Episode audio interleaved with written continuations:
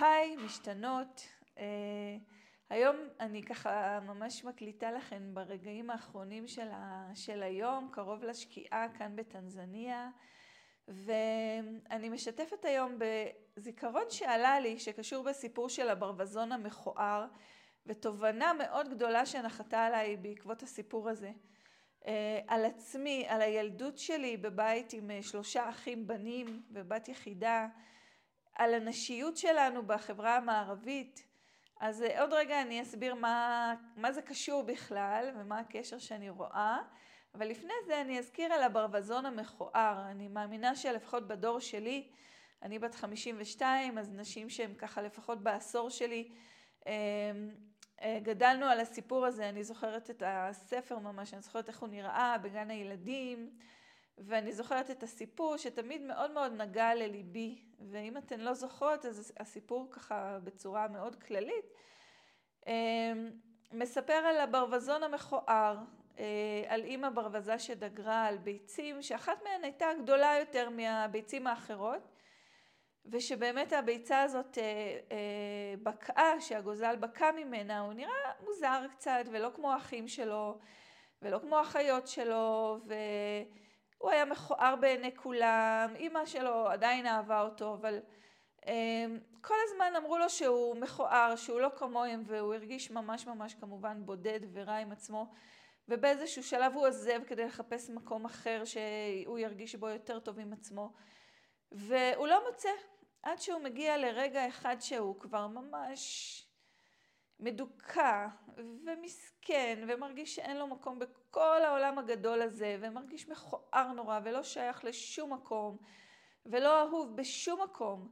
וברגע הזה הוא רואה מולו בשמיים, יש כמה גרסאות אבל זאת הגרסה שאני אוהבת, בשמיים מעליו הוא רואה אה, להקה של ברבורים עפה בשמיים, יצורים קסומים, שמימיים, ככה הוא הרגיש כל כך יפים ולבנים, והוא אה, פורס את הכנפיים שלו ועף איתם, והוא ברבור, וברגע הזה שהוא ראה אותם הוא מבין שהוא ברבור והוא מצטרף למעוף שלהם, והוא בבית והוא עם האחים והאחיות שלו והוא אהוב והוא יפה כל כך. והסיפור הזה מספר לנו שלפעמים אנחנו מרגישות לא שייכות כי אנחנו פשוט לא במקום שלנו. אנחנו לא עם הברבורות, אנחנו לא עם האחיות הברבורות שלנו, אז אנחנו מרגישות נורא לא שייכות. ואיך זה קשור אליי ואיך זה קשור אלינו? אני אוהבת את האור הזה עליי, מי שצופה בי עכשיו בסרטון אז אה, רואה את זה, ומי שבפודקאסט אז אני אספר שהאור של ה... ככה, האור האחרון של השמש מאיר אותי כרגע, זה נורא נחמד. אז אני גדלתי בבית עם שלושה אחים, ואני באמת אף פעם לא הרגשתי שייכת, אני לא הבנתי את המשחקים שלהם, לא הבנתי את השפה שלהם.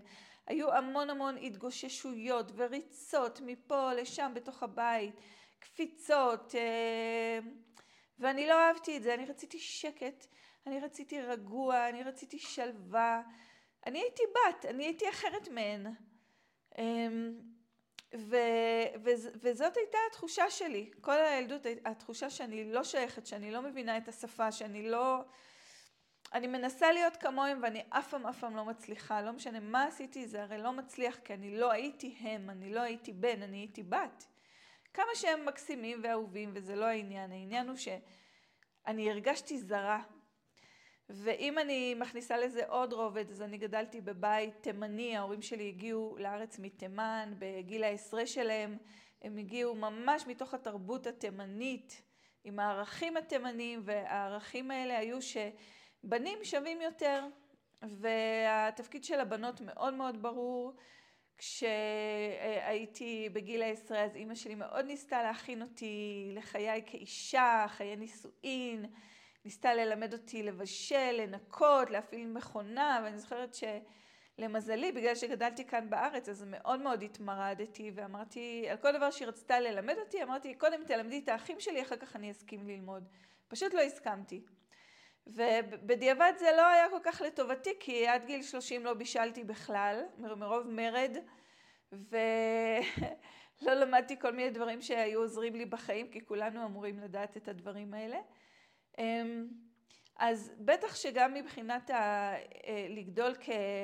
כנערה או בכלל כבת בבית תימני, אז הייתי לא שייכת כי לא היה, אמ, לא היה מקום אה, שווה בשבילי בעיני ההורים שלי. אה, והם כמובן ניסו לחנך אותי לפי התרבות שלהם, לפי התפיסה שלהם. והשינוי הגדול היה בשבילי כשכמובן, כמו כל דבר נפלא שקרה לי בחיים, באמת, באמת, זה התחיל בזה, בכמיהה המטורפת שלי לנסוע לאפריקה.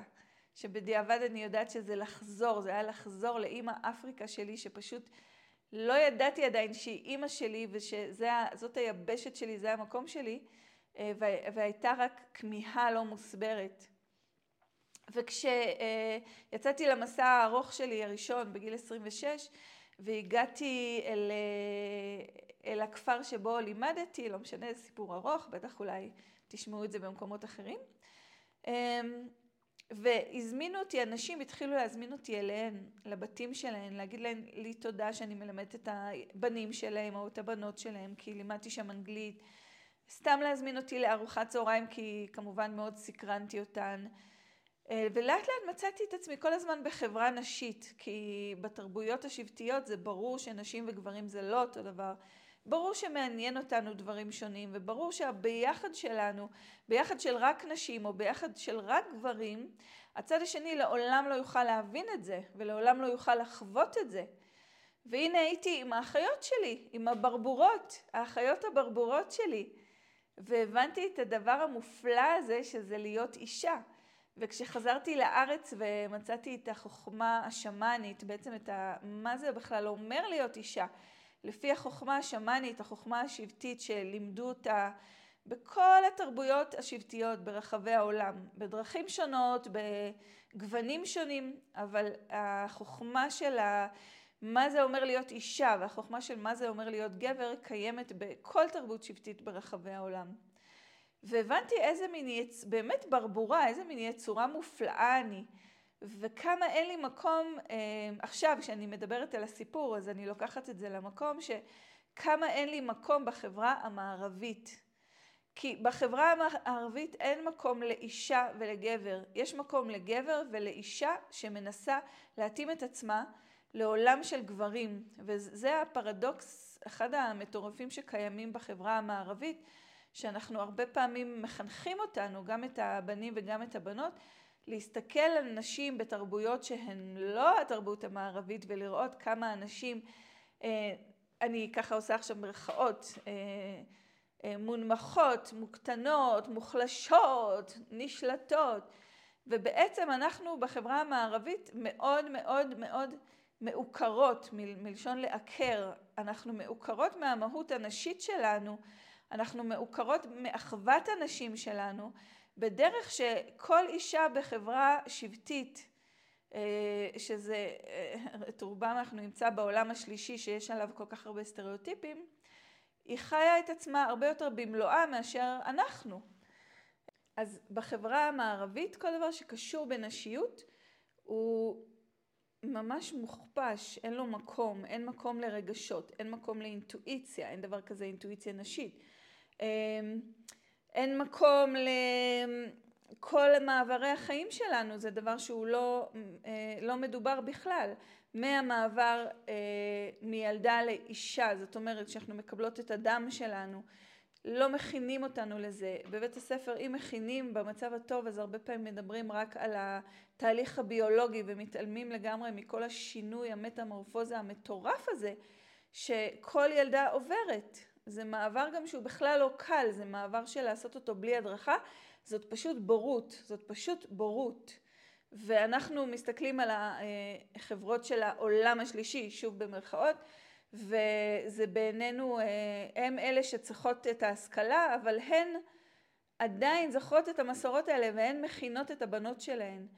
אה, המעבר של בכלל אה, לקראת לידה, להפוך להיות אימא, אל, כל המעברים האלה הם הרבה יותר מוכלים, הרבה יותר, אה, יש אה, הדרכה, הכנה ותמיכה של כל הנשים מסביב, שבחברה שלנו פשוט נשים מוצאות את עצמן לבד והרבה מהדיכאון של אחרי לידה מגיע מזה. זה, זה, אי אפשר להגיד שבחברות השבטיות אין דיכאון אחרי לידה, זה מצב שיכול להיות, אבל בטח שלא במספרים ובכמה שזה נפוץ. כי כשאישה מוצאת את עצמה לבד אחרי לידה, אין שום סיבה שהיא לא תחטוף דיכאון, זה מצב קשה מאוד, אישה לא אמורה להיות לבד.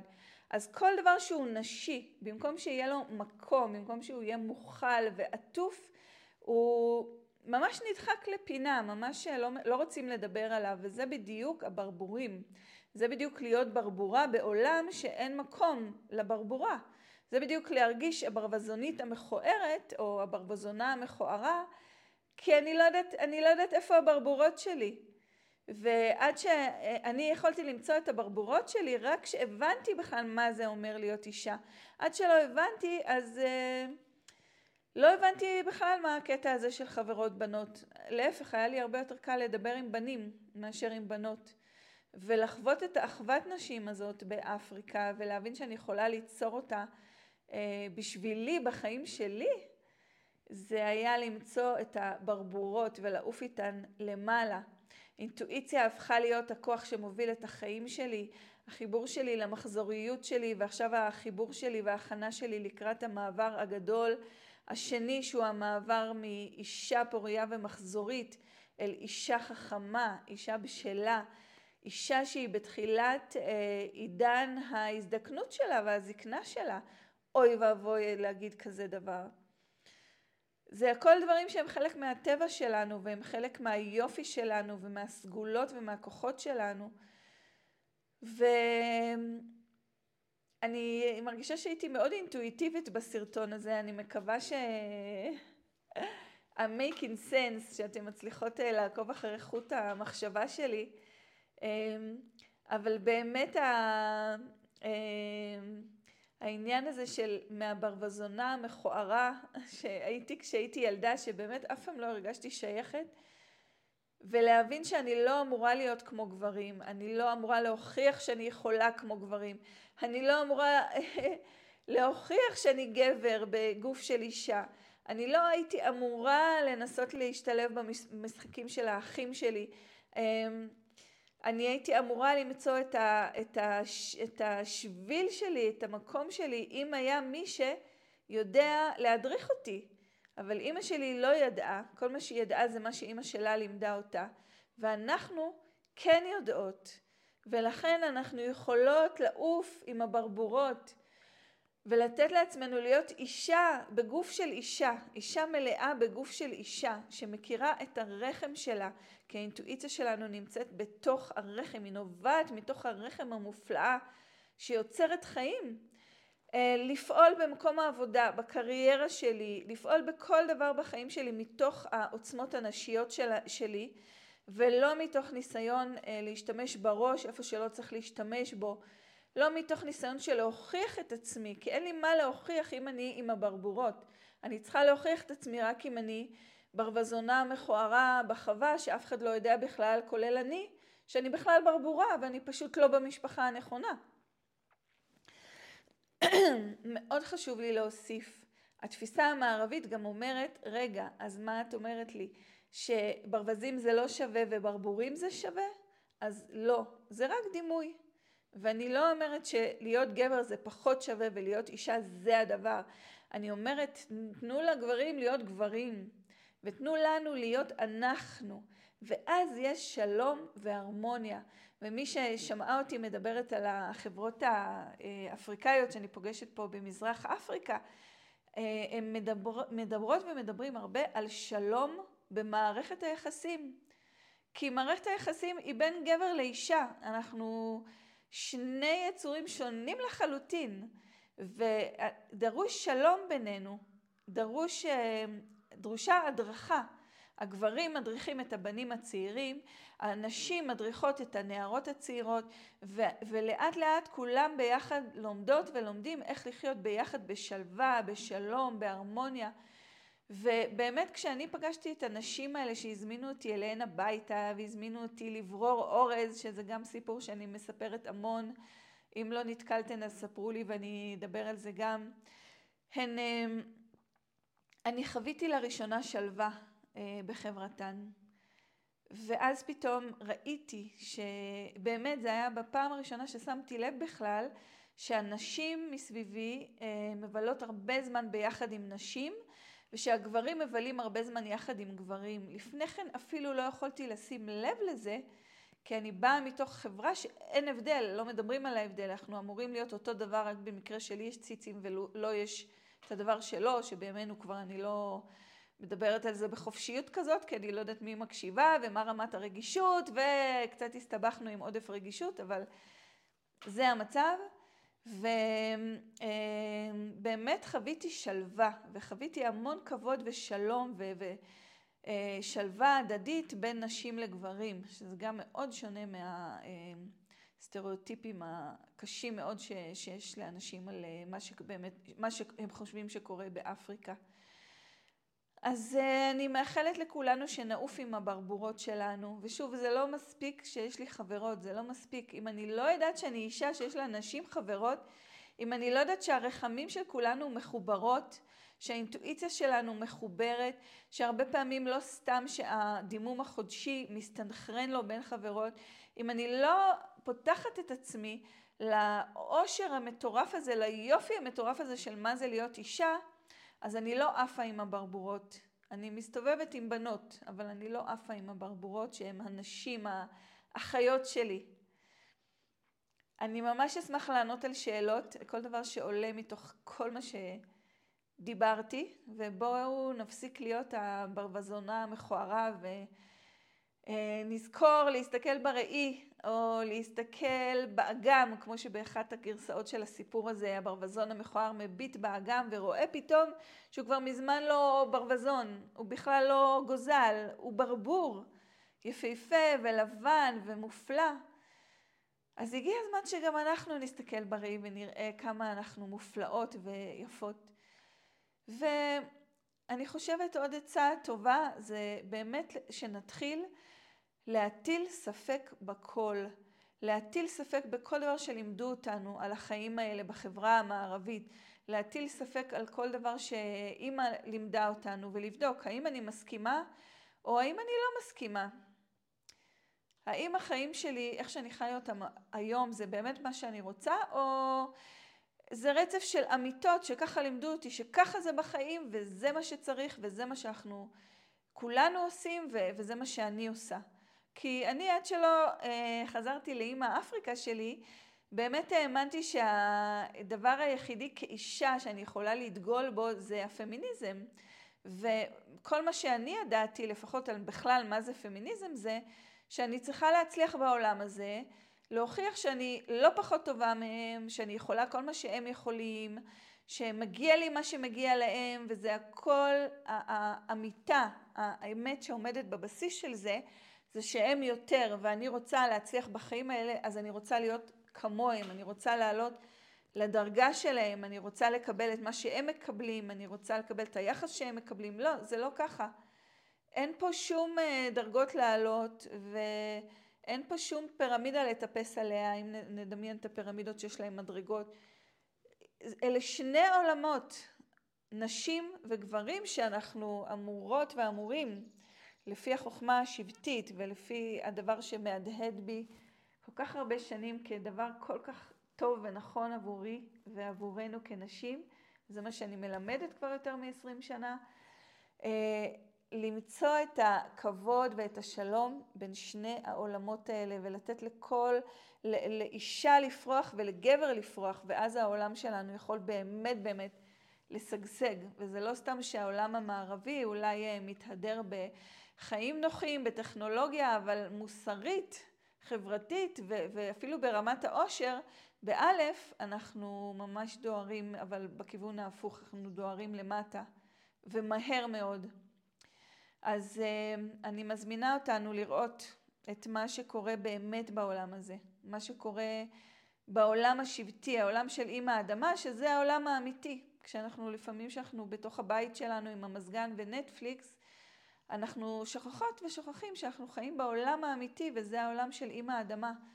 ובעולם של אימא האדמה אה, יש נשים ויש גברים, ואפילו לחיות, ליונקים, יש נשים ויש גברים, ואפילו לדגים ולעוד כל מיני יצורים. אל תתפסו אותי עכשיו, אני לא כזאת טובה בביולוגיה. אז אה, בואו ניתן לעצמנו להיות הברבורה שאנחנו.